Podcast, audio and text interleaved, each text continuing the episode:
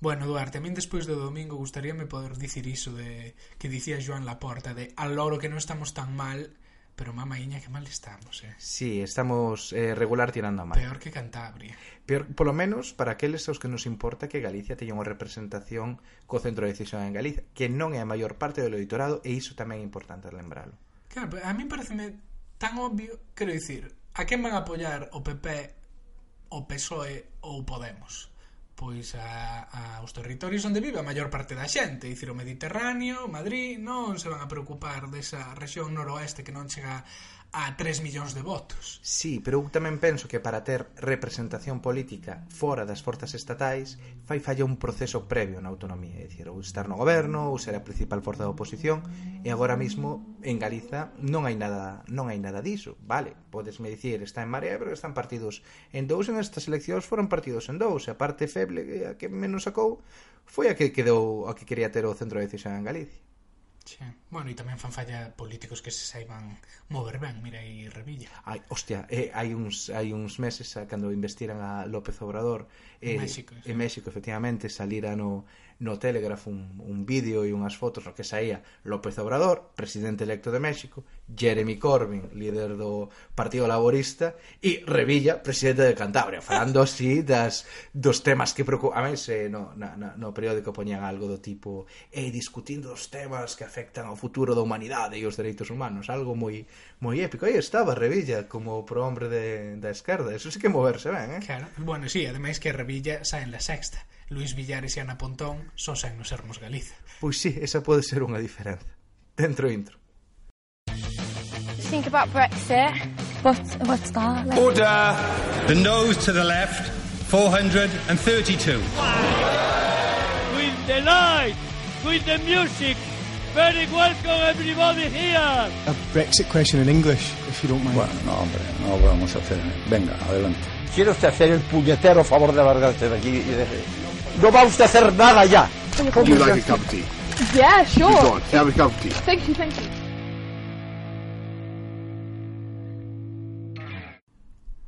Pois a ver, na conversa de hoxe imos intentar sair un pouquiño do gueto inglés ou londocentrista e imos falar de outras partes do, do, Reino, do Reino Unido. Imos falar de Escocia, eh, porque a primeira ministra escocesa, Nicola Sturgeon, vende anunciar que ten a intención de pasar legislación ou intentar aprobar legislación para que sexa o Parlamento escocés quen teña potestade para convocar referendos e nomeadamente un referendo de independencia que, como xa dixo en varias ocasións, pretende repetir o referendo de independencia de 2014 se o Reino Unido finalmente sae da, da Unión Europea. Claro, sí, bueno, e ese referendo que quedar a cousa xustiña relativamente, saíron 45% a favor da independencia, 55% en contra, pero claro, o curioso daquela campaña era que os favorables a que Escocia quedase no Reino Unido o principal argumento que daban era que ides facer fora da Unión Europea. Se saídes, economicamente vai ser un desastre.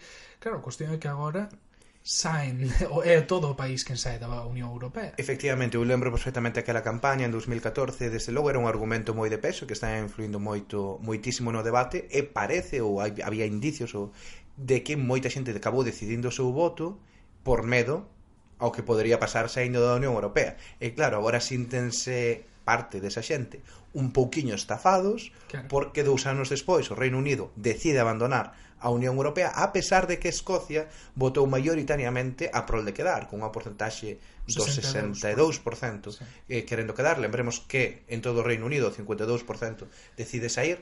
Entón, a opinión de Escocia está moi moi en contra do sentimento xeral do, do Reino Unido e particularmente de Inglaterra. Claro, pero é unha situación curiosa, non? Porque Si o argumento que se daba naquel referéndum era non saiades, non votedes pola independencia porque economicamente vai ser malo se leides da Unión Europea, agora o feito de saírse do Reino Unido pode ser economicamente tamén negativo para Escocia a pesar de estar na Unión Europea, porque o, o, o seu mercado principal e Inglaterra. Uh -huh. Por tanto, unha situación un, un pouco contradictoria e complexa na que quen vote eh, pensando un pouco na carteira, na, na economía do, do país, vai no ter complicado. Porque, eh, claro, podería ser un Estado independente dentro da Unión Europea, pero o feito de estar na Unión impediríalle chegar a acordos comerciais particulares co Reino Unido, porque uh -huh. está no bloque da Unión e hai uns acordos eh, comuns que hai que respetar. Entón, bueno, pois é, é unha situación eh, complexa. E aí abriríanse tamén máis debates. É dicir, estaría a Unión Europea disposta a aceptar de xeito rápido unha Escocia independente? Cando este debate se deu en 2014, a priori a Unión Europea non se quería meter nese, nese berenxenal porque o Reino Unido seguía sendo un socio e un aliado e, polo tanto, non querían influir no debate de independencia. Agora a posición da Unión Europea tamén podería ser completamente, claro. ser completamente distinta.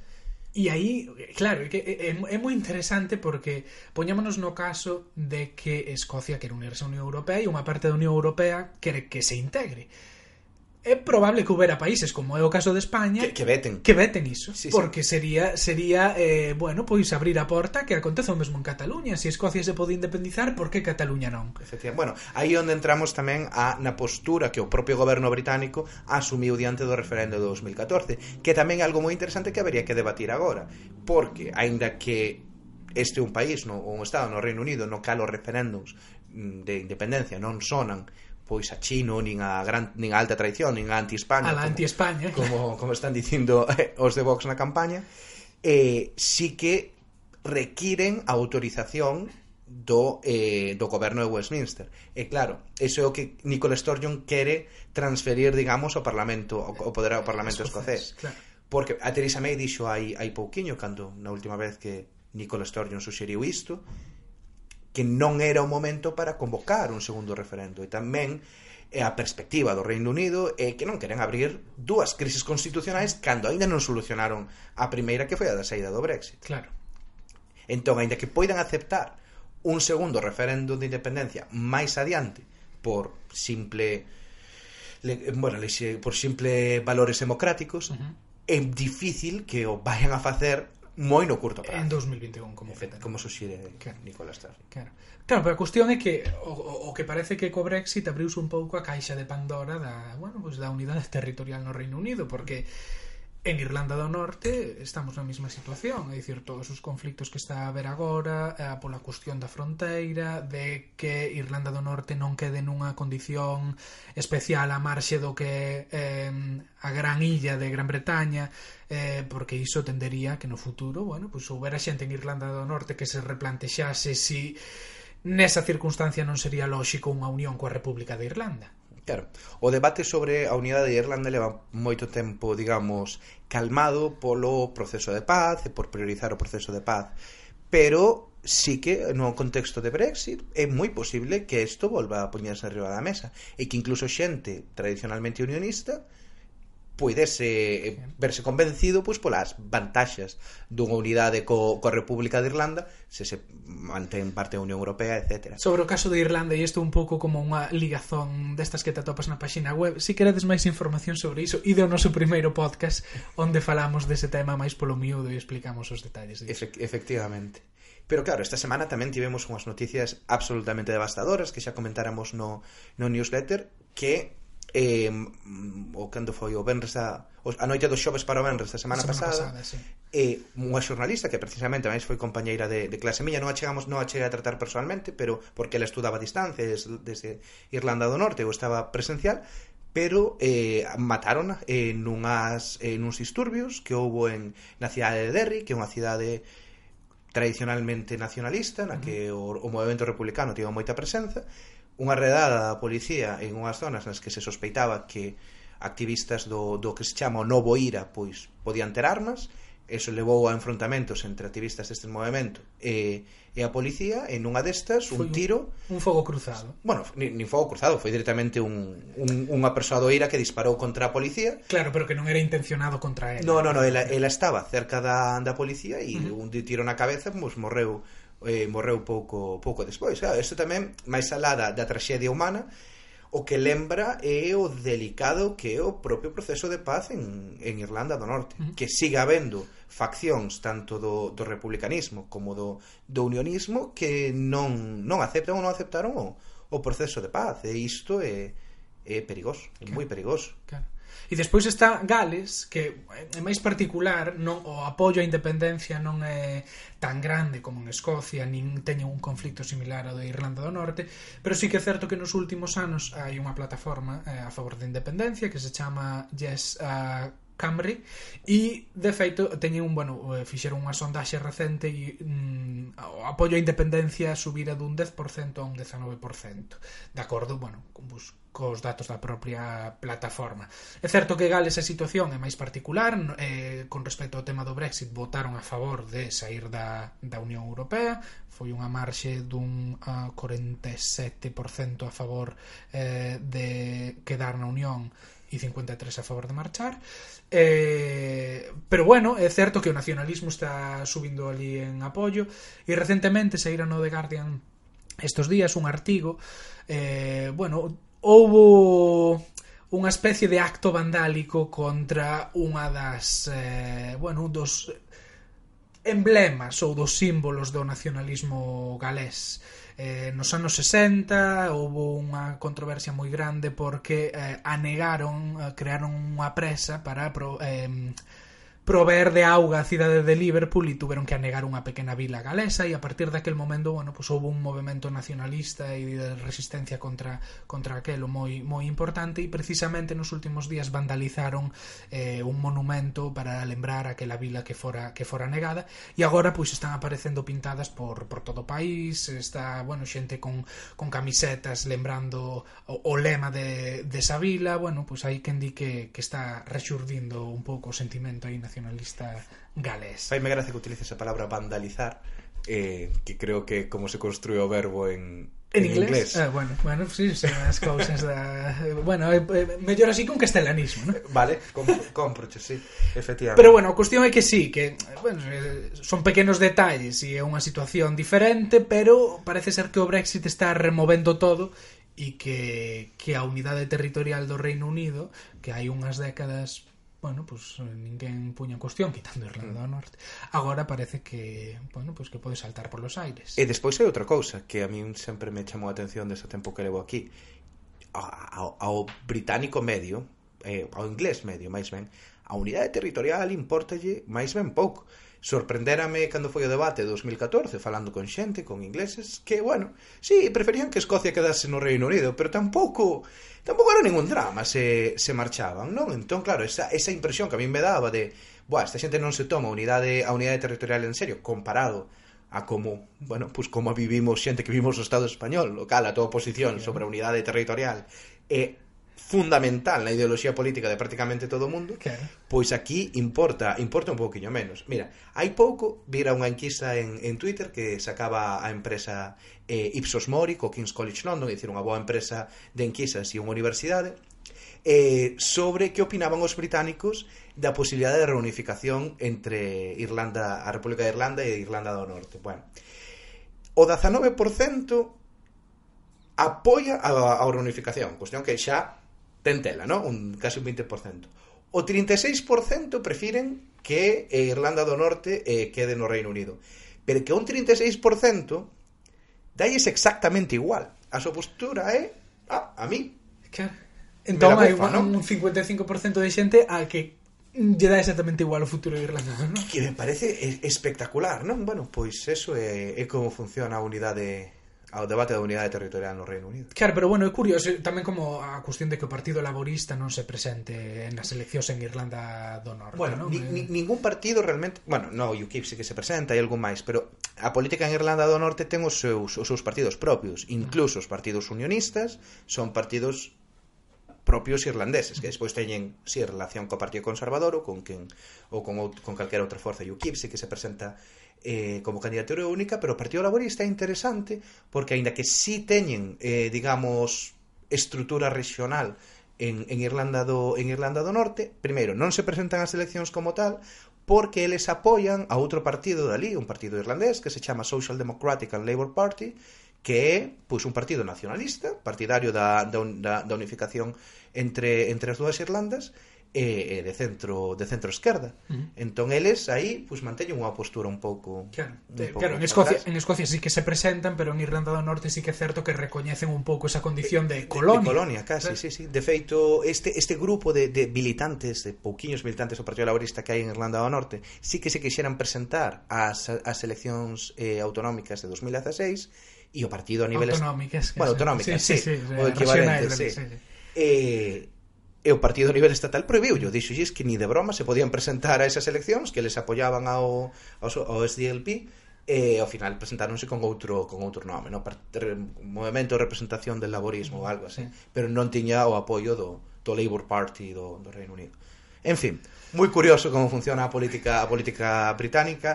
Fixemos isto así un pouco distinto outras veces, eh, non queríamos falar tanto de Brexit, pero sí que nos parece interesante mencionar o impacto no, na, na, na unidade territorial e igual en 5 ou 10 anos xa non hai máis Reino Unido de Gran Bretaña e Irlanda do Norte e Reino Unido de Inglaterra, e Gales. E Somerset. Gales.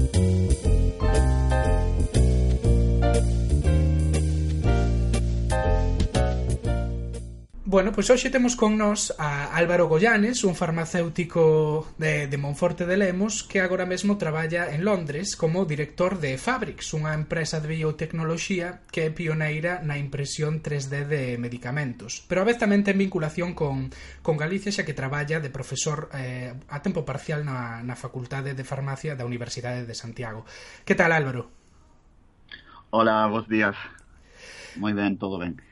Bueno, contanos un pouco en que consiste eh, isto da impresión 3D de medicamentos, porque eu creo que a xente habitualmente cando pensa nisto de impresión 3D eh, pensa nestes vídeos que se ven no Youtube ou en Facebook imprimindo bonecos ou vasos así en 3D. En que consiste isto no ámbito dos medicamentos? Nos no, o que facemos na compañía é unha cousa moi interesante que é imprimir os medicamentos. En vez de usar as formas tradicionais de, de fabricar medicamentos, que normalmente é por compresión, usamos impresoras 3D. E o que fabricamos son o, o que chamamos as pastillas. Eh, nos como estamos usando unha te tecnoloxía nova, eh, en, en galego chamamos de imprimidos, en vez de comprimidos, son sí. imprimidos, porque usamos unha, unha impresora 3D. Eh, eh, o funcionamento é mo, moi sinxelo. Eh, a impresora 3D está conectada a, a un ordenador. Entón, no ordenador temos un, un programa e diseñamos como vai a ser a forma e a cantidad de medicamento, de, de fármaco que vai a ir dentro do, do medicamento. Entón, apretamos un botón e a impresora 3D o que fabrica é a pastilla, a pastilla que é o que vamos tomarnos. Eh, para eso usamos eh, produtos que, que, que xa se usan en medicamentos convencionais, pero a forma de fabricalo que é conectado cun ordenador en, en, unha forma na que podemos cambiar moitos parámetros, permítenos personalizar a dose, a, a dose para, para o paciente. Entón, se un paciente vai á farmacia eh, na farmacia normalmente eh, cando pides un medicamento pois teñen tres ou cuatro dosis que son as que hai estándar comercializadas. Se non tes esa a dosis que ti necesitas polo peso ou polo, pola masa corporal ou polo que sea eh, hai veces que tes que partir a pastilla. Entón con esta tecnoloxía o que evitamos é que, que haxa que partir a pastilla, especialmente, por exemplo, nos nenos, que moitas veces hai que estar con xeringas eh, medindo cal é a, a dose adecuada para, para o neno, pois usando unha impresora 3D evitamos todos estes problemas e facemos a dosis personalizada para o paciente. Eh, e, bueno, e despois, evolucionando un pouco máis, podemos, nunha mesma pastilla, eh, que eu chamo imprimido, nun mesmo imprimido, podemos meter diferentes fármacos. Entón, unha persona eh, maior, eh, os da terceira idade, que levan bolsas de medicamentos, pois poderían tomar menos medicamentos o día porque poderían combinar nunha pastilla varios medicamentos á vez. Entón, facilita a toma dos medicamentos para, para estas persoas. Entón entendo que o principal eh, a principal utilidade, o principal obxectivo é facer máis sinxelo ou máis doado para eh, os pacientes o consumo dos, dos medicamentos, non? É o, é o principal sí. obxectivo detrás da, da impresión 3D. O, o principal obxectivo é a, a personalización, que, que vai ser personalizado. Por, por exemplo, un problema que hai nos hospitales é que moitas veces, cando non hai a medicación adecuada, teñen que facer eh, os farmacéuticos no hospital a medicación adecuada e meter eh, pesar os, os eh, principios activos ou o fármaco, pesalo nunha balanza, metelo de forma manual nunha, nunha cápsula e darlle ao paciente. Isto faise moito no hospital, eleva moito tempo. Entón, o que estamos facendo nós é dunha forma un proceso automático eh, de fabricación de medicamentos e o medicamento vai ser personalizado. Entón, evitaríamos ter o farmacéutico pesando eh, polvos na, na, na balanza, na, na farmacia, eh, sería moito máis eh, seguro tamén e automático. A idea é, bueno, hai que facer as cousas máis atractivas para o paciente, pero a idea é máis ben máis ben a, a personalización das doses, que, que sexa específico para o paciente. Claro, por como o contas, imagino que tamén será interesante desde o punto de vista do, do aforro, porque estou pensando na cantidade de veces que compramos medicamentos e que pois veñen o que sexa, 20, 30 pastillas, pero só usamos a metade e quedan aí. Eh, que, bueno, pois son medicamentos que, que se perden e cartos que, que se gastaron para despois non, non consumir. Sí, sí, esa tamén é outra das vantaxes que ten, porque, bueno, en, en algúns tratamentos tamén, pois empezas cunha dose, despois cambias para outra máis alta, eh, e despois cambias para outra máis alta, entón, o mellor tens que levar tres eh, caixas diferentes que non vais a terminar tamén.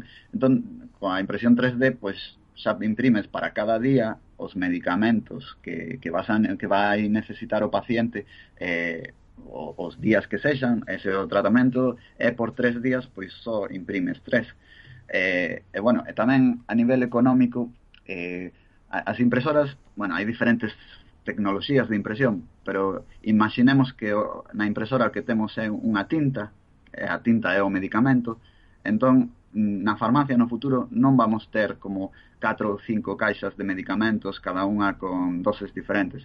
No, no futuro teremos unha impresora que tenga tinta e desa tinta dun só, eh, dunha soa caixa podemos sacar a medicación que, que necesitemos, que pode ser eh, 10 miligramos, 30, 50, 500, e non temos que ter na farmacia tantas caixas, que, que eso eh, ocupa espacio, caducan eh, e todo eso. Oye, e unha pregunta que me, esta non a tiamos preparada, pero que me acaba de vir así agora a cabeza. E igual estou falando sí. moi un pouco un pouco sen falar, sen, sen saber, pero ten todo este debate que houbera, por exemplo, en Galiza hai uns anos sobre eh, medicamentos xenéricos eh, contra marca. Neste caso estaríamos falando de que, en, polo que entendo, eso, cando, fa, cando te refires a tinta, que tería desos principios activos aí, despois eso iría impreso. E co como se xestionarían tamén os dereitos e as patentes nese nese Claro, caso? eh, eh isto sería eh pois un medicamento xenérico máis. Eh o, o fabricante da tinta é o fabricante do medicamento xenérico. E o que se fai na farmacia é un proceso de dosificación. A fabricación da tinta é o, o que é realmente o medicamento. Despois, na farmacia ou no hospital, faise o que é a, a selección da dosis, que é un proceso automático Entón, eh, esa é o, bueno, é un paso intermedio para finalizar, pero o medicamento sería pois a tinta, que sería un medicamento xenérico.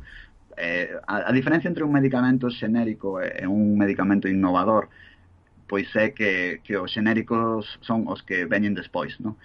Pero, por exemplo, se a tinta é un medicamento novo que, que nunca se usou eh, en personas eh, anteriormente, pois nese caso non sería un xenérico, sería un medicamento innovador. Claro. Entón va, valería para para as dous.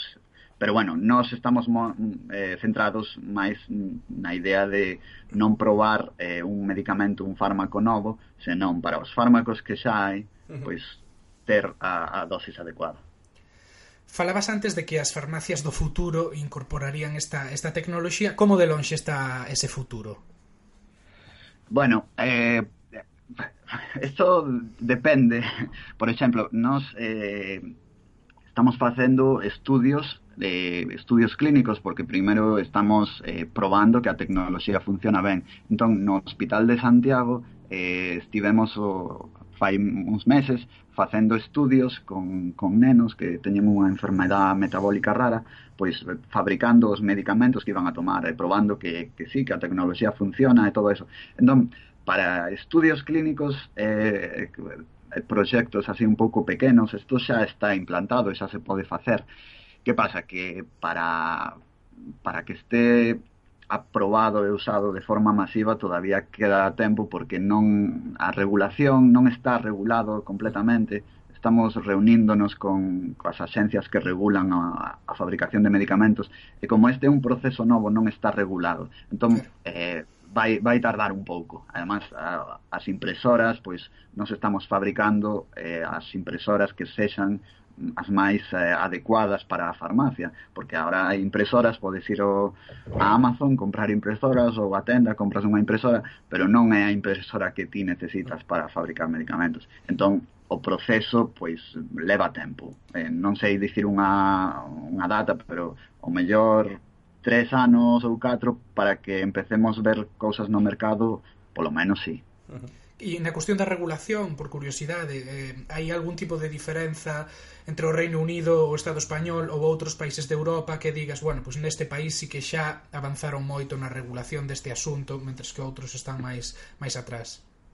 Eh, a, a verdade que non, non está regulado en ningún sitio. Nos está, eh, tivemos unha reunión aquí coa, coa xencia regulatoria aquí que eh, chamase MHRA, eh, MHRA, eh, e falamos con eles, eh, con eles a verdade que xa tinan, tiñan estudiado o tema, non, non está regulado, son conversaciones informales que, que teñen coas empresas antes de aprobar calquera cousa para ver cal é a opinión das, dos axentes eh, reguladores.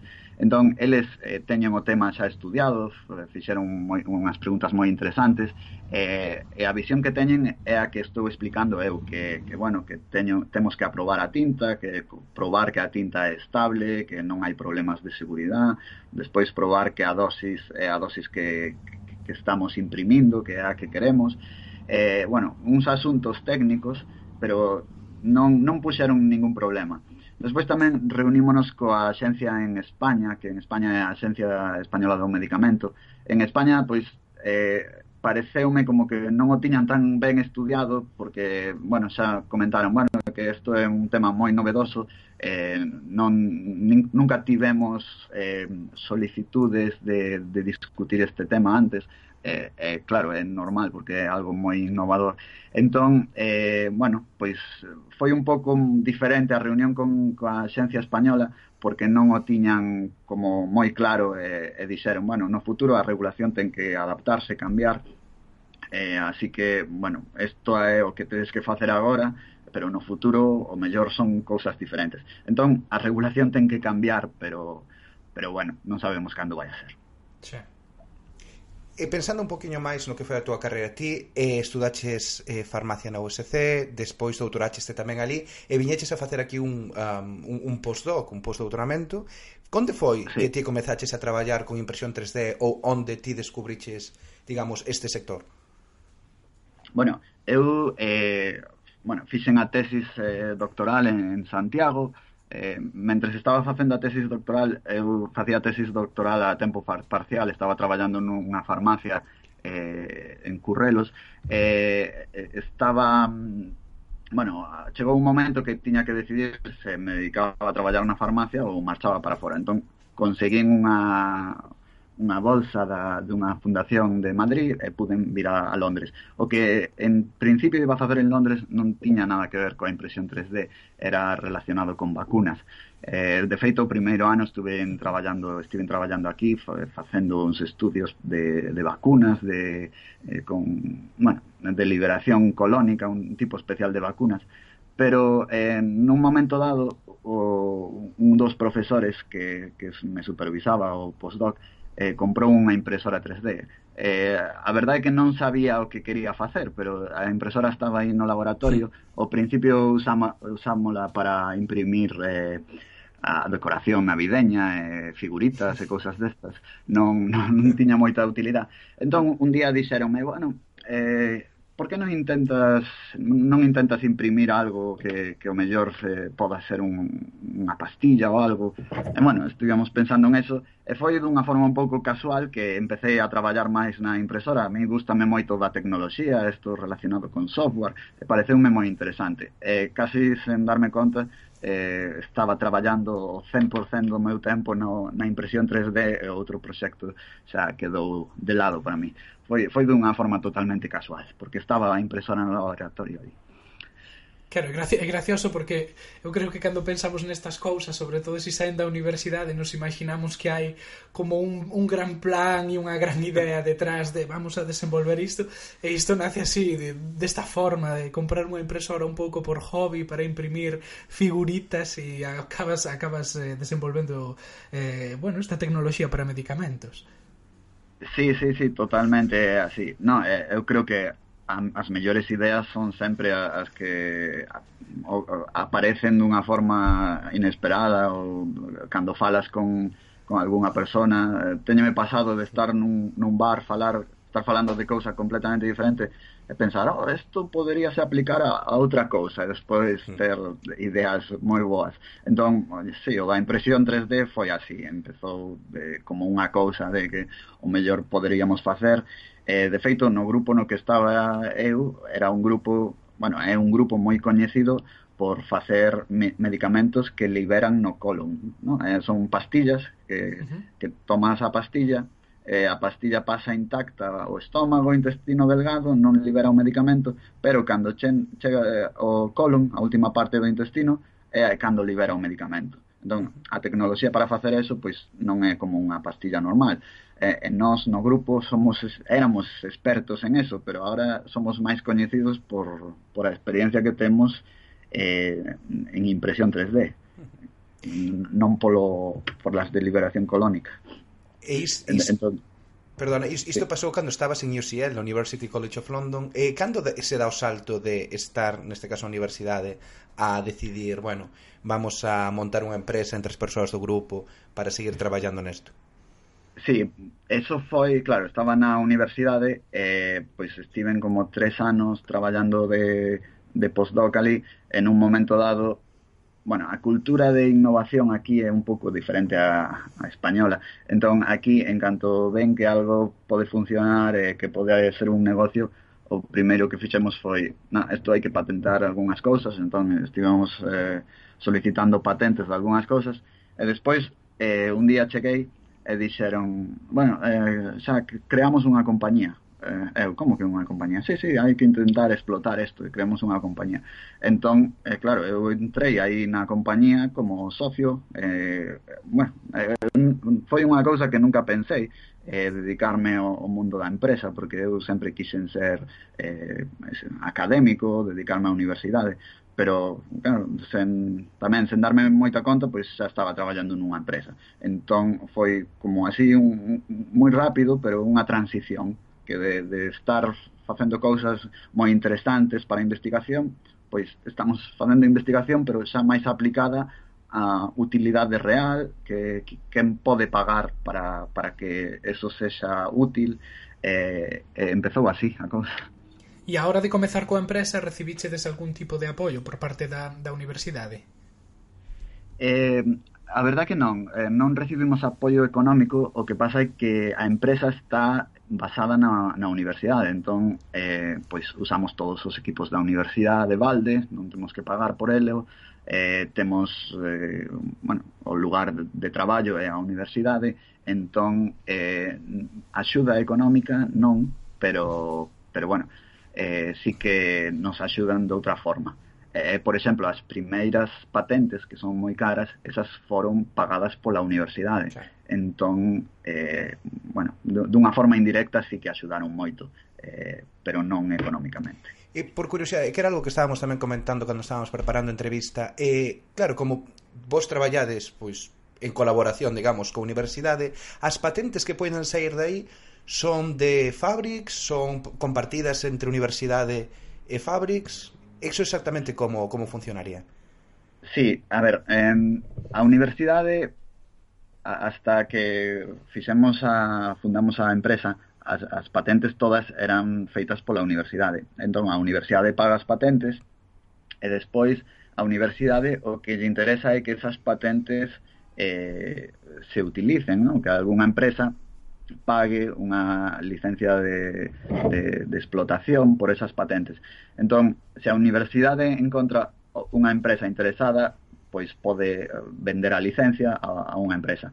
Que pasa? Que como non somos os inventores da patente, nós temos unha empresa, pois eh, temos boa relación coa universidade, porque estamos na universidade, entonces a universidade eh, cédenos as patentes a nós. Nós temos o, o dereito de, de utilizar estas patentes pero temos que pagar un precio. De momento non estamos pagando nada porque non estamos eh, gañando diñeiro con esas patentes, hmm. pero nun momento dado a empresa terá que pagar eh, bastante diñeiro á universidade por eso. Claro. E poñámonos no caso de que comezases a fedellar con esta impresora en lugar de en Londres, en Santiago. Eh, sería posible eh, comezar coa aventura desta empresa igual ou sería igual de fácil que, que no Reino Unido ou non? Eh, a miña experiencia creo que non, non o sea, sería moi, moito máis complicado. Aquí fundar unha empresa e ir a unha página web, pagar creo que son 30 libras, e xa tes a empresa montada.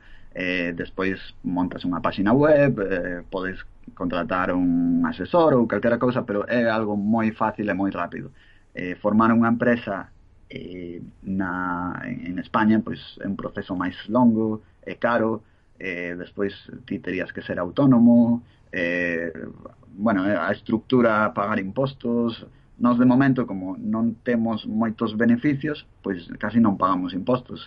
Entón é algo que en España eu se estou traballando eh, como empresario pois ou sou autónomo ou a empresa págame un salario como, como traballador. Entón, é un pouco máis complicado. Aquí é todo moito máis sinxelo e creo que, que, que, que favorece moito a creación de empresas. E outra cosa tamén é a cultura que hai aquí para, para empresas, para crear empresas.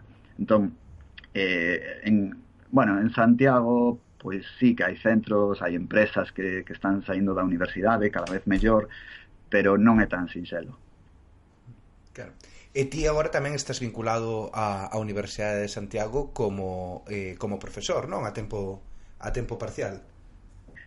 Sí, no, agora estou traballando na Universidade de Santiago como profesor interino eh, a, a, a tempo parcial. Eu estou movéndome entre Londres e Santiago. Eh, estou en, en Santiago porque unha profesora da facultade pois solicitou algo parecido a unha reducción de xornada, entón sacaron unha praza nova a concurso, entón solicitei a, a plaza e, e saí, quedei de, de primeiro de, comparado coa, coa outra xente que o solicitou, entón estou traballando aí, pero é algo mm, temporal, non sei canto vai durar isto. Uh -huh. Bueno, pois aquí no te congotas sempre como guinda da, da entrevista para rematar facemos unha pregunta e queremos che poñer na situación de que es conselleiro de sanidade ou de asuntos relacionados coa industria farmacéutica na Xunta de Galicia, nunha Galicia utópica na que ti pois tes mm, plenos poderes para facer e desfacer o que queiras. Eh, que, que farías? Que medidas eh, aprobarías para, bueno, pois para mellorar este, este, este sector ali? Bueno, eh, o mellor como conselleiro de Sanidade non, pero máis como conselleiro de Economía ou de Educación ou algo. Eu o que vexo que eh, a, a investigación en, en Galicia está bastante desprestixiada e, e os salarios son moi baixos. Eu, se non fose porque a, a estou cobrando de, de Londres, eh, non podería estar dando clase en Santiago, porque o meu salario como profesor son 600 euros eso a min pareceme ridículo. Vale, é a tempo parcial, pero é que é unha cousa ridícula, non, o sea, non, non entendo como unha persona pode traballar de profesor eh, a tempo parcial, ainda que sexa, pero cobrando 600 euros, que se supón que é unha persona que está formada, que fixe unha tesis, que estivo traballando fora, eh, eso non, non se valora. Entón, eh, se non se inviste, eh, a min, se dedican máis fondos á investigación, e que é, é imposible atraer eh, talento. Por exemplo, eh, eu traballo de profesor, eu considero que, que bueno, que, que compensa que eu este, para mí, que eu este de profesor ali, porque, bueno, estou cerca da familia e todo eso, pero co, con esa con esa tipo de, de plaza ou de, de, de posición non podes atraer profesores de fora, o, o que podes atraer é xente que é de Galicia, pois que o mellor quera voltar a Galicia, pero é imposible pensar que, por exemplo, un indio ou un chino podan ir a, a solicitar unha plaza de profesor, eh, como se ve aquí, eh, que sempre tes xente de fora que, que quere vir aquí a traballar como profesor. Por qué? Porque, bueno, teñen salarios máis altos, non, non é que sexan salarios millonarios, pero están ben pagados, eh, te, ten un prestixo a causa pero eh, é un problema que hai en Galicia que non hai esa, esa cultura de, de dedicar diñeiro e, eh, e, eh, bueno, a cultura de investigación de forma xeral. Entón, o que había que dedicar é máis fondos eh, facilitar as cousas. Eh, bueno, te, podría decir un montón de cousas que eu cambiaría, pero eu dedicaría, so, diría só dedicarlle máis fondos. Se, se eu estou traballando de profesor en Santiago non é polo salario, non é, non é por, por, por moitas cousas, é porque eh, bueno, están aprendendo do que eu fago, pois xa compramos aí unhas cantas impresoras, a, a empresa nosa eh, puso tres impresoras na, na facultade, teño un par de alumnos facendo impresión 3D, que é cousa boa para a empresa nosa, pero é cousa boa para Galicia porque, bueno, facemos as cousas en Galicia. E o estudio que fixemos, que é o primeiro estudio clínico con unha impresora 3D, está feito en Santiago. Está feito en Santiago non porque non se poida facer aquí, pero porque eu coñecías de Santiago e dicen que era unha oportunidade moi boa, entón ah, interésame promover que o que se fai en Galicia. Eu é dicir, que, que non, no, o, o primeiro estudio non foi aquí, foi, foi, foi ali, aquí non fixeches ningún, o estudio clínico. Non, non, non, foi en Santiago, foi en Santiago. Foi con, con nenos que teñen unha enfermedad metabólica rara, entón eh, falei co... Bueno, a que, por aquel entonces a que estaba en Santiago de directora de, do hospital de, do servicio de farmacia hospitalaria eh, bueno, chamase sí, doctora Lamas. Na, pois ela era a directora, pero agora xa non é a directora porque agora é a directora da Axencia Europea do Medicamento. Entón, mm. dou, ten un salto máis alto. Eh, pero é unha persona moi activa que lle gusta moito a investigación. Entón, cando lle propuxen eh, facer un estudio aquí pois viu o potencial e, e dixo aquí quero decir en Santiago eh, sí. dixo, sí, sí, sí, claro entón fixemos o estudio o estudio está ahora enviado nun, nunha revista científica a ver se sae publicado pronto pero bueno, xa estamos facendo publicidade que se fixo estudio eh, está feito en Santiago entón penso que eso é moi importante claro uh -huh. Bueno, pois con esa reflexión de Álvaro nos quedamos. Álvaro Goyanes, moitas gracias. Nada, moitas gracias a vosotros pola invitación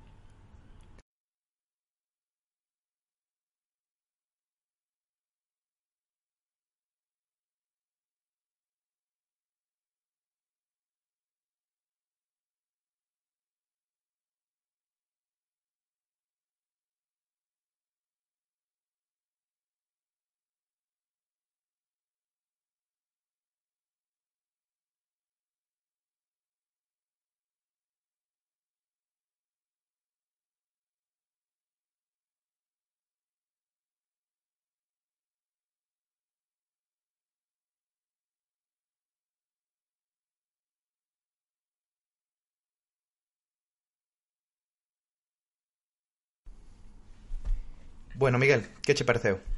Pois a min gustoume moito, eh, especialmente o que dixo de que esta empresa británica era quen comprara impresoras para que estudantes de, de Galiza xogasen e comezaran a facer un pouco experimentos coa impresión 3D e os, e os medicamentos e que o primeiro ensaio clínico que, que fixeron eh, foi foi en Galiza tamén. Pois, bueno, pois un, un galego que está traballando no Reino Unido e que, que ten un compromiso con levar ali a innovación e, e, o, que, e o que aprendeu e o que aprendeu aquí. E despois pareceu un insultante o que comentou do salario de 600 euros eh, para unha persoa que ten un doutoramento e unha postdoc na, na UCL eh, aínda que sexa xornada parcial a xornada completa implica que serían 1200 euros de salario o cal é absolutamente insultante.